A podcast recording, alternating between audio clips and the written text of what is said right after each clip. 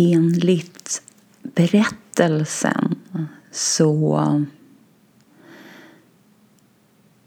genomgick Buddha ett antal olika eh, vi kan kalla det för utvecklingsfaser eller utvecklingssteg eh, eller ja, vi kan kalla det vad som helst men den natten när han satt under trädet efter lite grann att ha gett upp sin, eh, sitt sökande och det han under flera års tid hade strävat efter och någonstans kommit till insikt om att han inte längre klarade det.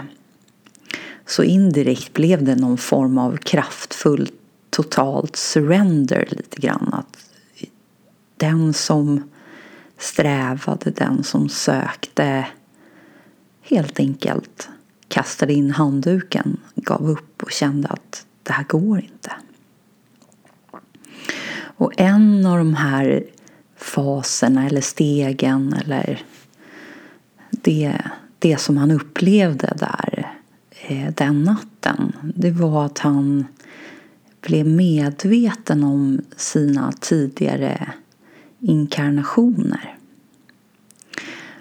Som jag varit inne på tidigare och jag är också övertygad om att ni redan visste det och kände till det. Men bland annat de cirkulära religionerna, alltså buddhism och det här paraplyet eller det vi kallar för hinduism där det finns massvis med olika riktningar och grenar.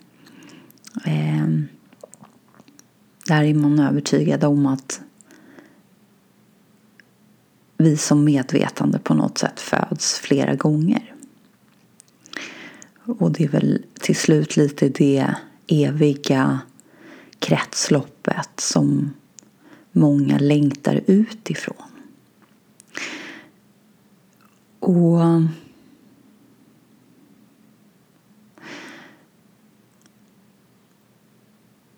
för vissa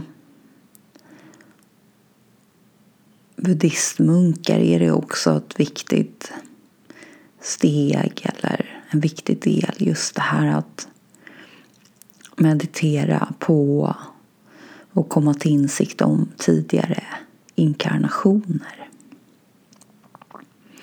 Och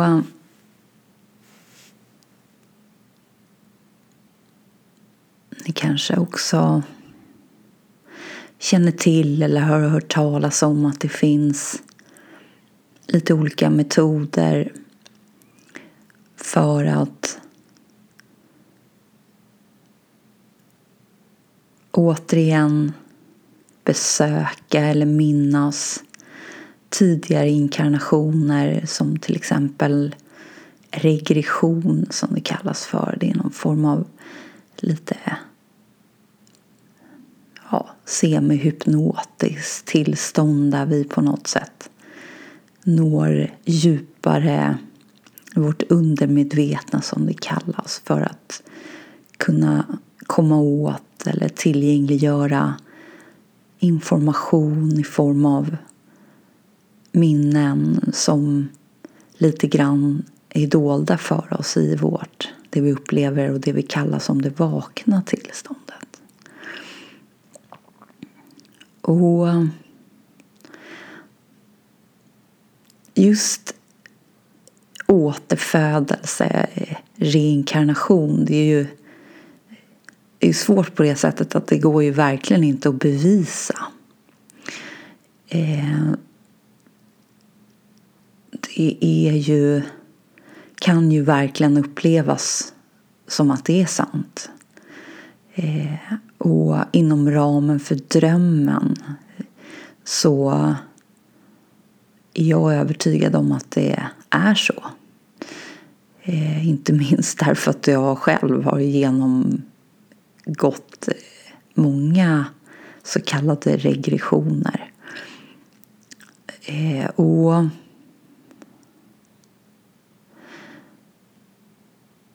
även Ramana pratar lite grann om reinkarnation och hans ståndpunkt är också att inom ramen för drömmen så existerar reinkarnation.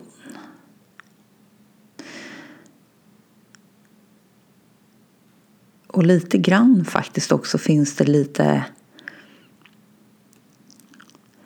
lite grann trots allt skulle kunna tolkas som även i Bibeln.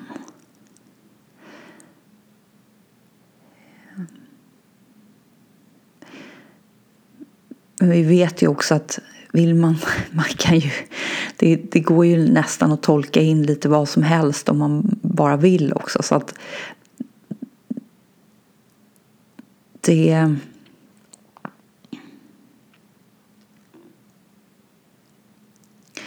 Det är väl lite grann min poäng här också att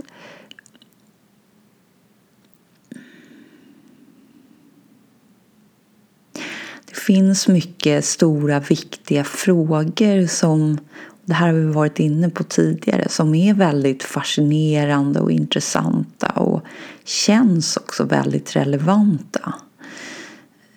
Men till slut så måste vi även lite grann lämna de här frågorna för att lite grann kunna gå i mål.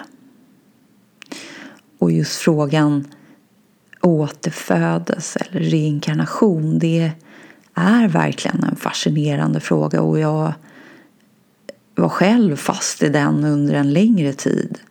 Eh, tills jag någonstans till slut insåg att det går inte riktigt att bevisa och vad kan vi göra åt det egentligen?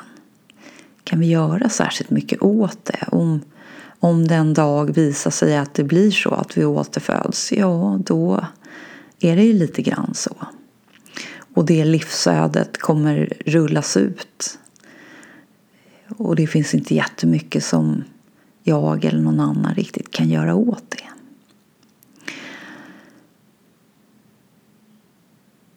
Och ni kanske minns också boken Ashtavakra Gita där kung Janaka får upplysningsråd av Ashtavakra på en nivå som fullständigt blåser ut honom. Eh, men där vid något tillfälle så tar Janaka upp just att han har haft en dröm som han upplevde som väldigt verklig där han var tiggare istället för kung. Och han frågar Ashtavakra om drömmen på något sätt kan vara sann därför att hans upplevelse av drömmen var att den var väldigt, kändes väldigt verklig. Och då svarar Ashtavakra just att om du tror att det är verkligt att du är kung så är tiggaren lika verklig. Så tror du på den här drömmen, om vi får kalla det för det, ja då är den andra drömmen lika verklig. Och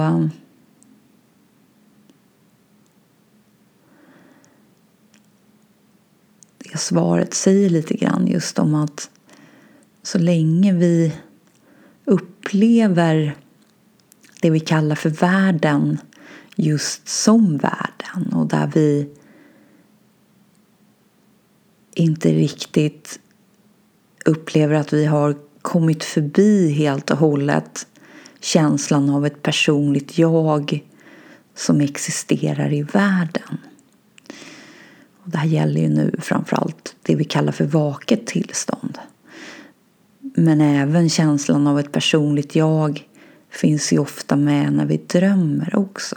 Även om vi är medvetna om att vi då antar någon slags drömkropp som vi identifierar oss med så finns fortfarande känslan ofta kvar.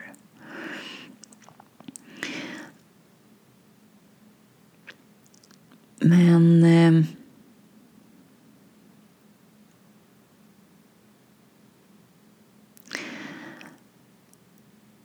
så länge vi som sagt har en känsla av identifiering och en känsla av personlig existens kvar så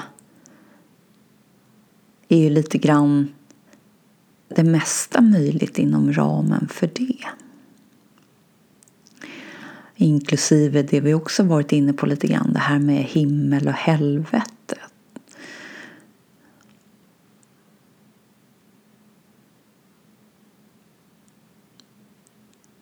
Och um, frågan är ju där om, om de här frågorna och frågeställningarna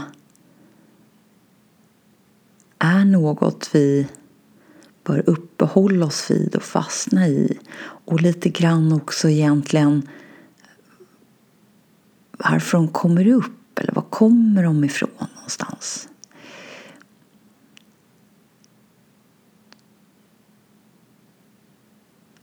Och kanske snarare lite det som kan vara värt att se närmre på. Vart i bottnar vår lite grann nyfikenhet och vår känsla av att vi gärna vill veta vad som kommer hända och hur det vi kallar för fortsättning kanske kommer att kunna se ut.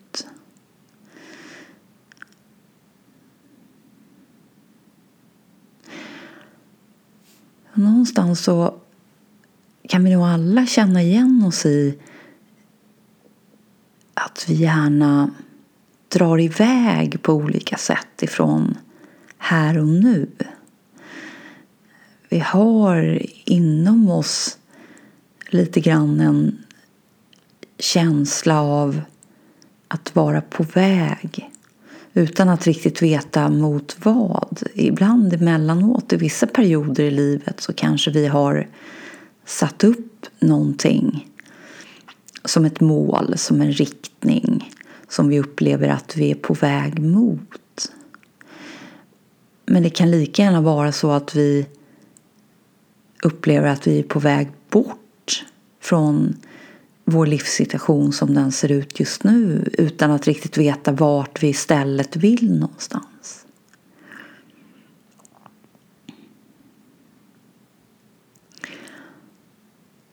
Och vill vi bort ja då kan ju tanken på återfödelse vara lockande och, och lite grann också underhållande. Precis på samma sätt som att tanken på ett, en bättre livssituation eller en ny destination i det här livet också kan vara lockande och också underhållande. Någonstans lite grann det här vårt flyktbeteende eller vår vår strävan efter uppfyllelse.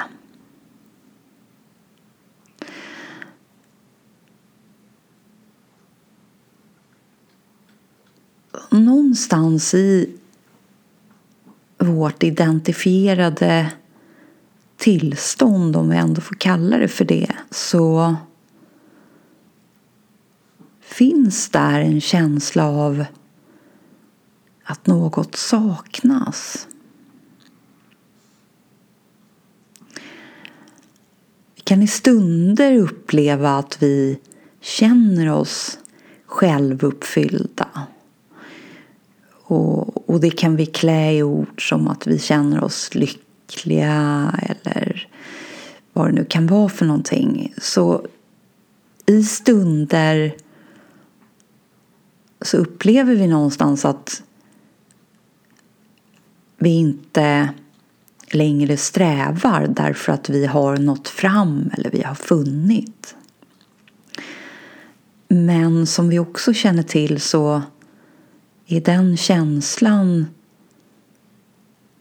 flyktig och, och relativ så tillvida att vi kan inte hålla kvar den. Det enda vi vet när vi är där är att den kommer att övergå i någonting annat som också kommer leda fram till att vi kommer följa med tankar som vill ta oss bort ifrån nuet i form av en ny strävan för att nå självuppfyllelse eller en ny flyktväg för att förhoppningsvis nå självuppfyllelse. Och är man lite grann på botten så kanske man inte riktigt har målsättningen självuppfyllelse. Då sätter man upp kanske ganska många steg på vägen. Att det räcker att det bara är lite, lite bättre än vad det är just nu. Men det är som att vi, vi kan inte riktigt vara kvar i en känsla av att vi känner oss fulländade, fullkomliga, totala, självuppfyllda. Och lite som vi har varit inne på tidigare så känner jag att det, det är precis som det ska. Hur skulle vi kunna varaktigt, permanent kunna känna oss självuppfyllda när vi lite grann är identifierade som någonting som vi inte egentligen är. Som inte är vår essentiella natur. Det är som att det inte riktigt kan gå att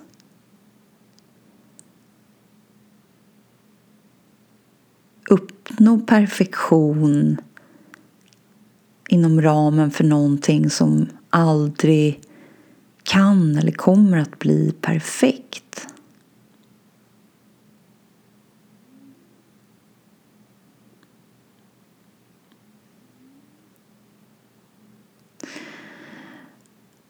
Och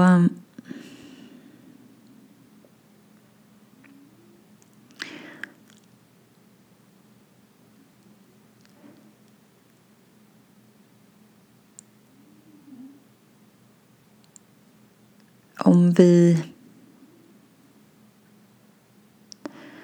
någonstans lite grann landar i insikten om att vår sanna essens faktiskt vilar bortom våra identifieringar. Och så länge den lite grann är dold för oss så är den ju inte någonting som vi direkt upplever. Vi är inte direkt medvetna om den. Vilket gör att kommer hela tiden bortsett från stunder uppleva att någonting saknas. Det är som om vi upplever att vi måste uppnå ytterligare någonting eller vi måste fortsätta sträva eller vi måste fortsätta leta. Och den här känslan kan ju ta sig oerhört många uttryck såklart.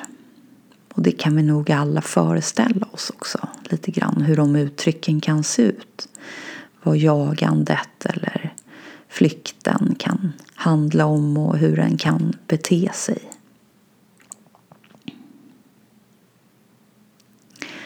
Och även här upplever jag att drömmen ger oss många ledtrådar. Om vi lite grann skulle sakta ner och stanna upp och bli uppmärksamma på till exempel livsöden, andras livsöden, så har de inte allt för sällan ganska mycket att säga oss.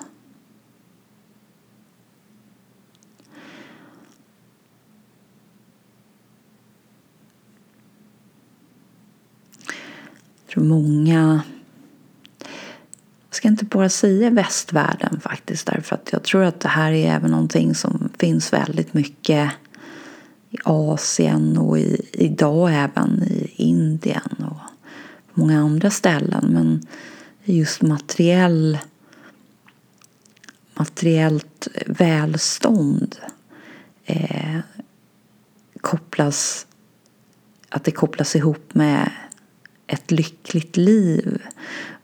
Och där vi kanske framförallt också ser att materiellt välstånd leder till ett mycket mer bekymmersfritt liv. Vi behöver inte oroa oss för hur vi ska klara av morgondagen eller indirekt egentligen vår framtid är lite säkrad. Vi kan åtminstone uppleva det så. Det är lättare att lura sig till att tro det om man upplever att man har materiellt välstånd. Men för många så är det en väldigt viktig faktor och har man det inte så är det svårt att riktigt komma förbi den. Den tanken känns väldigt sann. Och sen en annan faktor som också kan finnas med. Den är nog inte riktigt lika närvarande och överallt gällande men det är ju på något sätt strävan efter att bli någon i världen som indirekt handlar om också att få andras kärlek och bekräftelse och uppskattning och uppmärksamhet. För människor som uppnår någon slags tillstånd av att vara berömda handlar ju inte om att alla älskar dem där. Utan, men de är väldigt sedda och väldigt uppmärksammade av väldigt många. Och ni känner säkert alla till artisten Avicii vars eh, namn egentligen var Tim Bergling. Och jag tror till och med att han hade ett annat efternamn från början. Men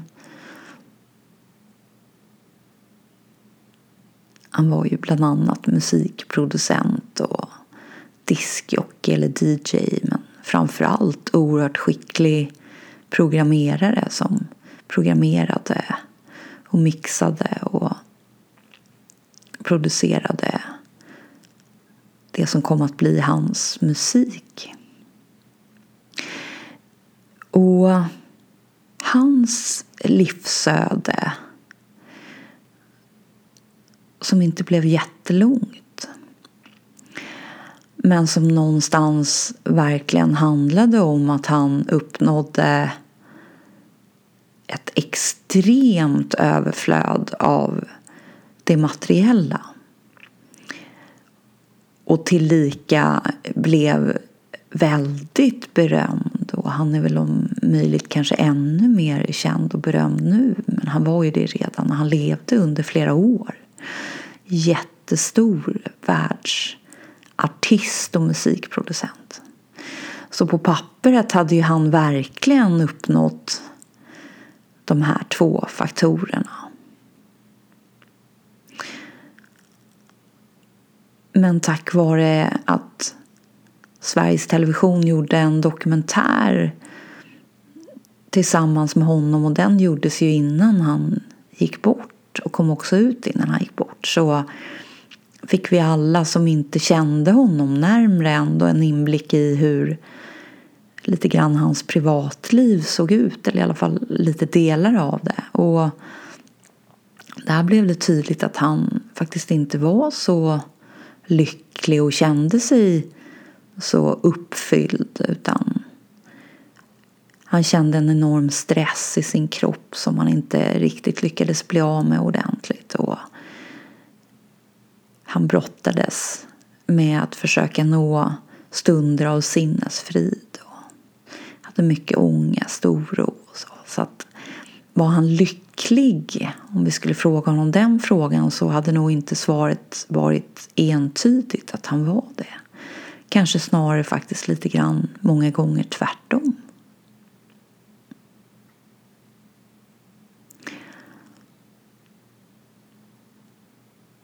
Och jag kände just när han gick bort och jag tittade på den här filmen igen jag älskar musiken och det har jag gjort nästan från början eller på att säga, men verkligen. Den är ju fantastisk och han var ju oerhört skicklig på det han gjorde. Men jag kände en ännu större tacksamhet över att han som medvetande genomgick den här inkarnationen inom ramen för drömmen så att förhoppningsvis så många kan lära sig så mycket bara genom att faktiskt lite grann reflektera över hans livsöde som sträcker sig långt bortom bara hans fantastiska musik som vi fortfarande kan njuta av. Och som handlar om saker som väldigt många människor strävar efter och också är beredda att gå väldigt långt för att uppnå, inklusive gå nästan lite grann symboliskt över andra människor för att uppnå. Därför att de är tämligen övertygade om att den här självuppfyllelsen som vi kanske upplever som stunder av lycka, den vilar där. Den finns att hämta där. Och hans livsöde visar någonstans att den här skatten som ligger sägs det vid regnbågens slut. Den kommer vi inte nå där därför att den där regnbågen tenderar att alltid flytta på sig. Så när vi börjar gå efter skatten och så tittar upp på himlen för att se vart regnbågen slutar, ja, då tycks det som att slutet har ändrats. Och precis på samma sätt när vi når det vi tidigare skulle kunna betrakta som målet ja, då har förutsättningarna ändrats och rösten i huvudet har ändrat sig lite grann. Att då är det bara kanske ytterligare någonting vi behöver uppnå först innan självuppfyllelsen, innan den totala lyckan riktigt kan finnas där.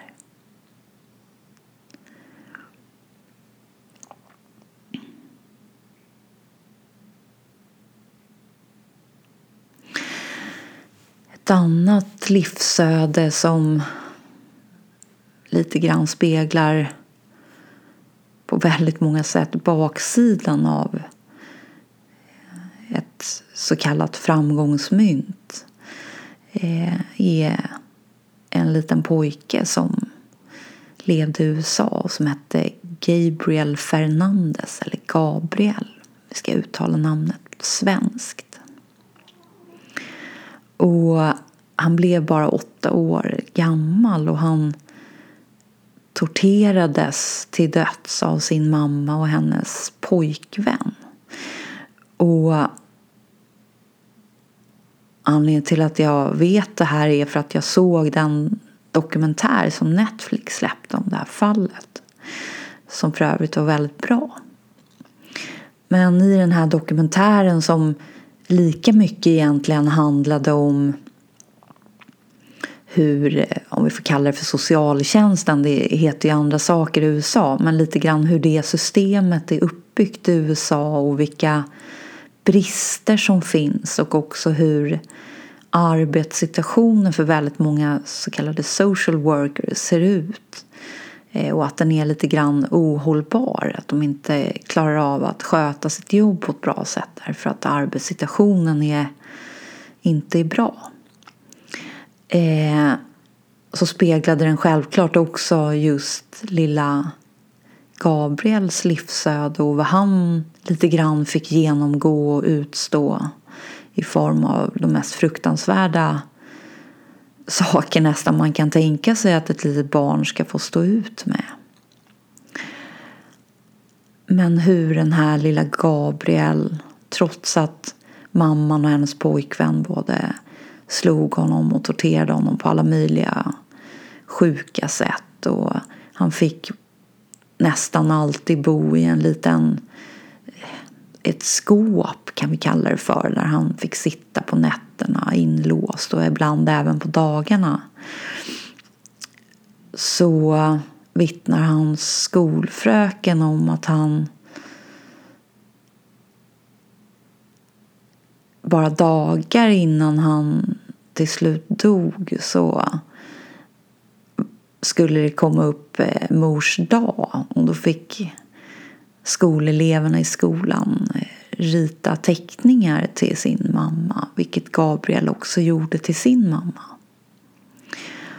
Och här kan man ju föreställa sig att han kanske ritade en hemsk teckning. Men det gjorde han inte. Utan han ritade en jättefin teckning. Och eh, han uttryckte också hur mycket han älskade sin mamma i den här teckningen. Och jag minns när jag satt där och såg den här dokumentären också och kände vilka ringar på vattnet som hans fall också hade gett borta i USA. Det blev ju som ni förstår enormt uppmärksammat och det gjorde också att socialtjänsten och dess arbete och dess arbetssituation blev också väldigt uppmärksammat och också granskat. Så hans livsöde spillde över på väldigt många människor som berördes på olika sätt väldigt djupt. Och jag själv satt där också och kände att hans namn, Gabriel, kändes lite mer som ärkeängel Gabriel faktiskt. Att den lilla killen den lilla pojken bar sitt kors så kärleksfullt ända in i slutet.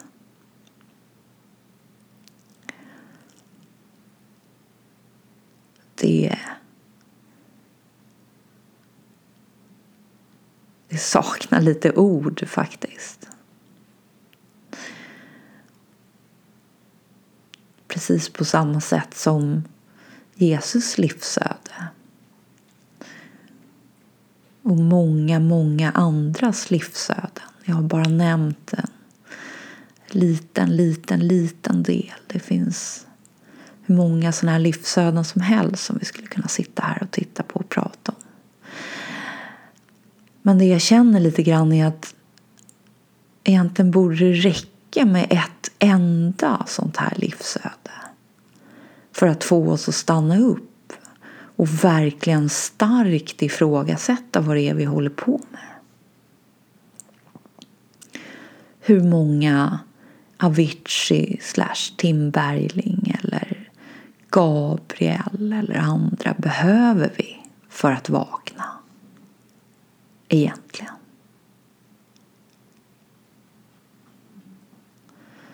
Därför att varje sånt livsöde säger så oändligt mycket. Indirekt faktiskt om sanningen. Det säger oändligt mycket om sanningen om drömmen.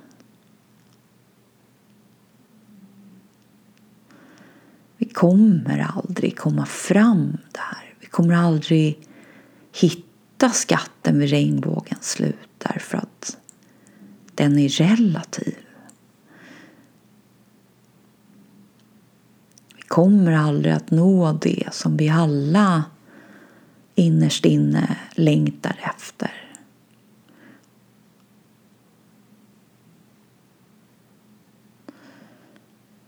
Och det råder en gudomlig ordning i det också därför att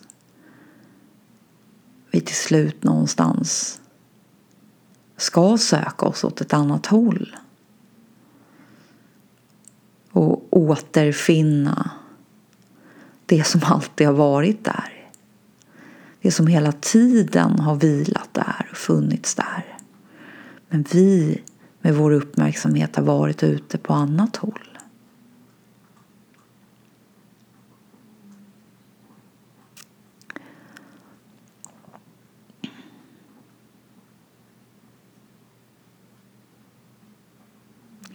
Och bara faktiskt lite grann genom att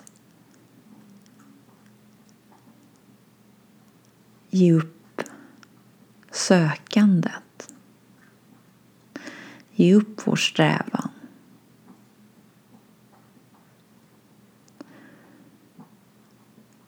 Och sjunka ner lite grann bildligt så som Buddha gjorde under bodhiträdet. Och dra en djup suck av lite uppgivenhet.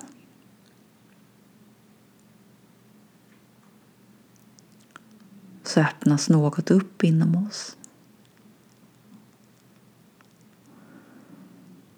Något som tyst och stilla alltid väntar utan att vänta. Alltid vilar utan att vila.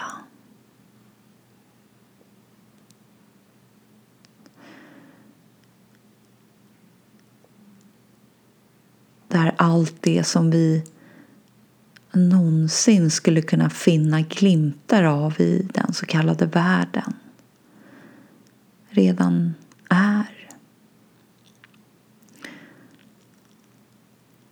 Därför att det finns ingenting i världen som existera bortom det vi är, bortom källan. Så ingenting kan vara större än en spegling av det som redan är inom oss.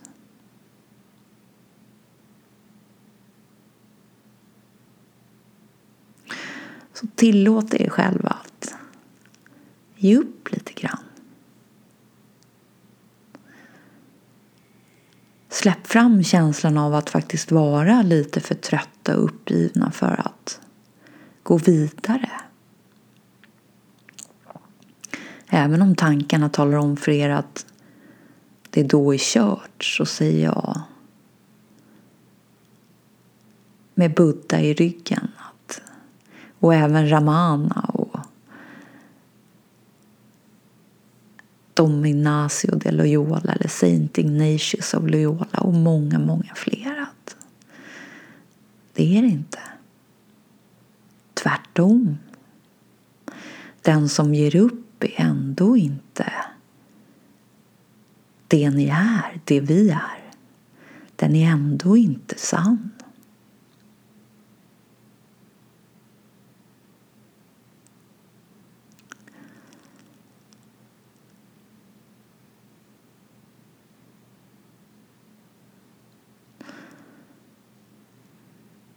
Så vila i friden av att veta att endast kärleken är verklig.